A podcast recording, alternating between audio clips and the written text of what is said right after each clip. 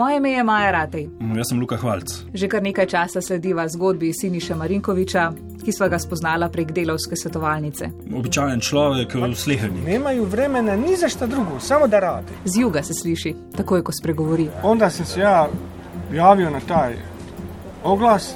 Le da ne zveni več tako dobrovoljno, kot je zvenel nekoč. V bistvu je Razočaran, nad sistemom. še bolj pa nad ljudmi.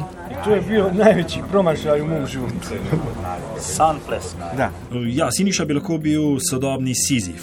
Tudi po 12 ur na dan je garal na gradbiščih v Sloveniji, Nemčiji, Avstriji, Belgiji, vsa so enaka. Ja, tudi v tem, da je bilo njegovo delo povsod brez smisla in pa tudi poštenega plačila. Kaže, pa šanse su vam otprilike nula. Siniša ni prispodoba Je živa in resnična oseba. in to je njegovo pravo ime. Ne skriva se za psevdonimom. Jel može da e, moje troje djece da se bar tretiraju kao ta četiri psa? Jel, I oni nemaju šta da jedu, razumiješ? Bukvalno su matletirani, ne mogu da se školuju, ne mogu da finansiraju školovanje. Doma je iz Bosne in Hercegovine, iz revnega vzhoda te države, ki ga je razvoj praktično prezrl. Totalni bankrot.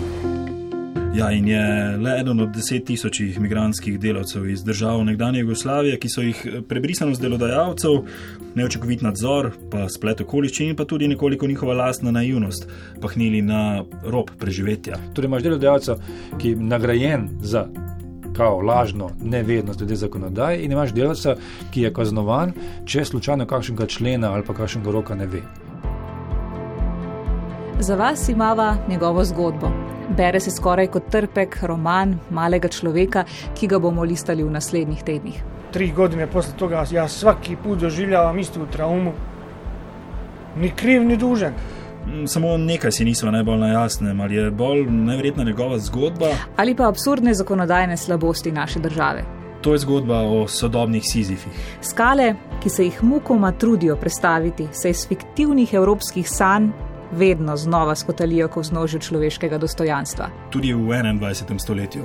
Slovenia is with huge um, space in between. The worst country in the EU about um, posting foreign workers. Slovenija is number one. Number one by far. Sicher. ja.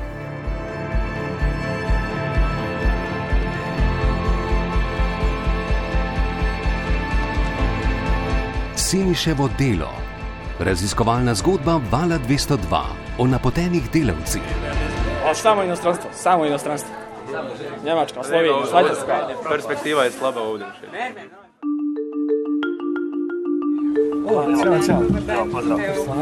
S Sinšom Marinkovičem smo se pred meseci prvi srečali v kavarni v pritličju stavbe v Ljubljani ob Dalmatinovi, to je tam spodaj, kjer so pisarne slovenskih sindikatov. Moram se malo našaliti, iako mi je. Prvog čovjeka kako ćete streljati.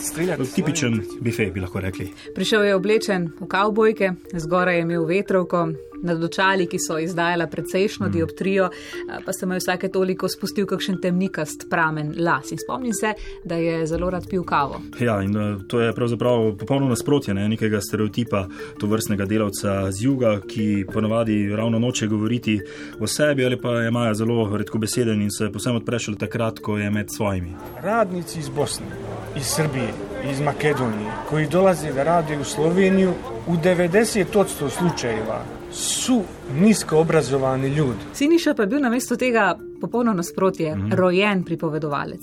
Vsakič, ko je odprl usta, se je iz njih usul podroben opis ljudi, krajev, izkušenj. Spomnil se je celo tistih najmanjših podrobnosti, ne? od vonja, potnih dlani do okusa hrane, ki so jo jedli.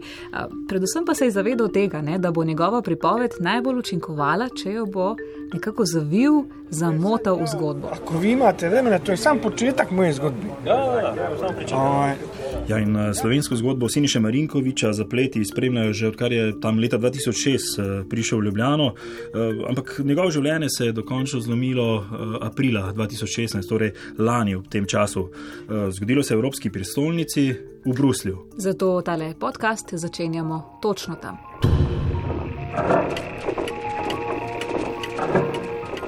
se sigurno sjećam da je to jutro e, padala neka kišica. Mi smo prišli ob sedmih na delo in znam, da nam nisu dozvolili da, da idemo na odar. Gradbeni odr so dan prej poškodovali z dvigalom, zato sta inšpekcija in policija prepovedali nadaljne delo. No, ko so odr popravili, so lahko nadaljevali delo, na terasi v petem nadstropju naj bi delali fasado. I ja i taj delovođa smo izašli tamo, popili smo se na odar. To je neka visina 190 do 2 metra, ovisno od, od tih postavki dole koliko ih dižu i tako. Pa nek polivinil, kaj ste si podali. Ne? Da, Siniš je bil na drugem nivoju odra, stopil je na rob in od kolega prevzel zvitek polivinila. to je tako neka tuva teška nekih desetat kilograma. Otprilike ne mogu baš tačno sjetim. In ko je sodelavec prevzel polivinil, torej v nekem trenutku nekakšne nepazljivosti, nesreče ali karkoli že se je zgodilo, pa se je začelo oziroma pripetilo. Uglavnom, kad je on povukao taj polovinil, ja sam jednostavno izgubio ravnotežu i onda sam pao u mes između odra i, i, i stao bi. Ja, in Siniša je padel dva metra globoko. Spominja se, da je padal na bok, na levo stran. Pa sam tim levom stranom rebrima i glavom sam udario dole od, od taj beton što je bio ispod. Najprej je pomislil, da ni nič hujšega. Dokler E onda je samo na jednom je začeo taj bol u, u, u leđima, u, u, u prsima, začelo je da me guši, e, jednostavno nisam mogao da diham. Zgublja se zavest od malo. E, pa ja sam u jednom momentu sam čak pomislio, ne, ja ne mogu da dišem, ja ću da umrem. Tako mi je bilo, mislio sam, ne, to je kraj. Scenarij, ki se je odvil v naslednjih urah, je znan, rešilec, urgenca, slikanja, diagnoza, zalomilo pa se je pri zadnji stvari. Ja, pri tem, kdo bo plačal stroške zdravljenja. On, I, ali su mi objasnili da ja to, zaradi tega, ker ja nemam nikakvog osiguranja, ja to moram da platim. Jer ja nemam para to da platim. Siniša Marinkovič je v Belgiji sicer delal prek podjetja Zakotret iz Brezovice pri Ljubljani. Eh, Pravi sicer, da so bili v podjetju zelo korektni. Namestitev v Belgiji je bila primerna, eh, vse so plačali tako, kot so se dogovorili.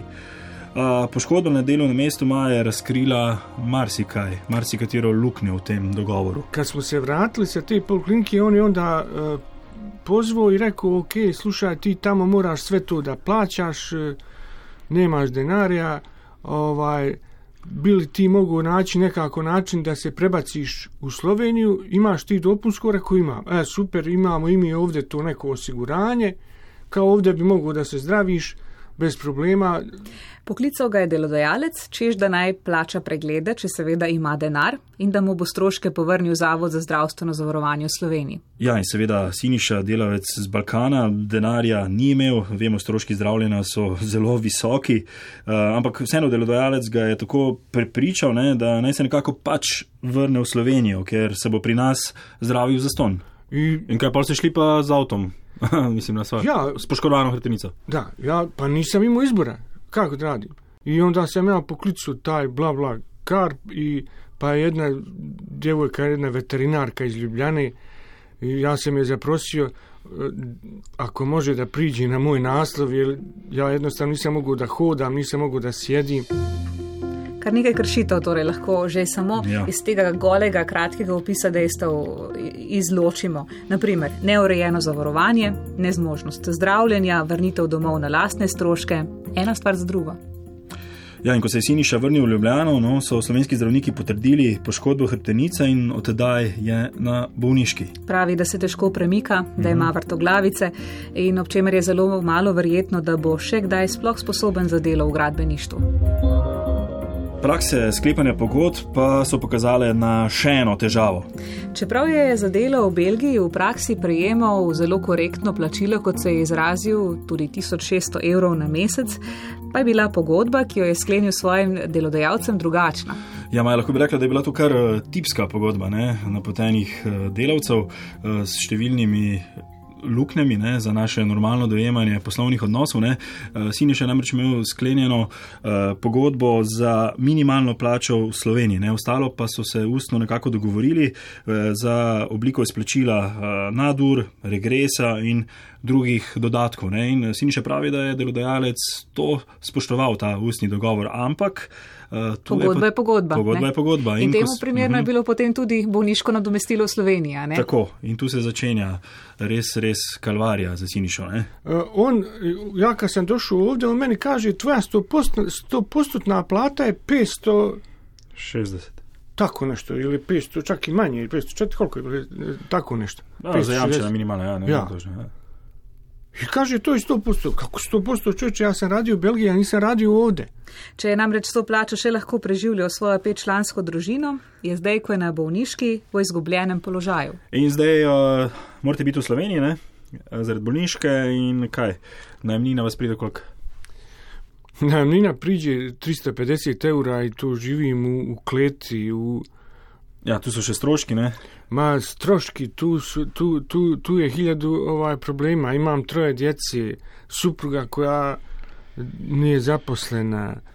Ja, zaradi bolniške se iz Slovenije ne more premakniti, eh, svojih treh hčera ni videl že praktično leto dni, eh, zdaj pri njem že nekaj časa sicer živi tudi žena, ki pa zaradi zakonskih ovir eh, za zdaj neuspešno išče delo v Sloveniji. Je trenutno ovaj zakon, znači zakon omogućava da delodajalci legalno prikrivaju isplate, prikrivaju zarade, znači to zakon omogućava. Goran Lukič, prvi obraz delovske svetovalnice, ima za Sinišov primer povedno ilustrativno razlago.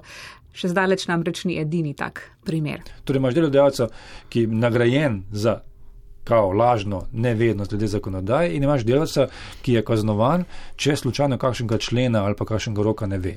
A lično poznajem ljude koji su dužni od 3, 4, 5 pa do 14 hiljada eura.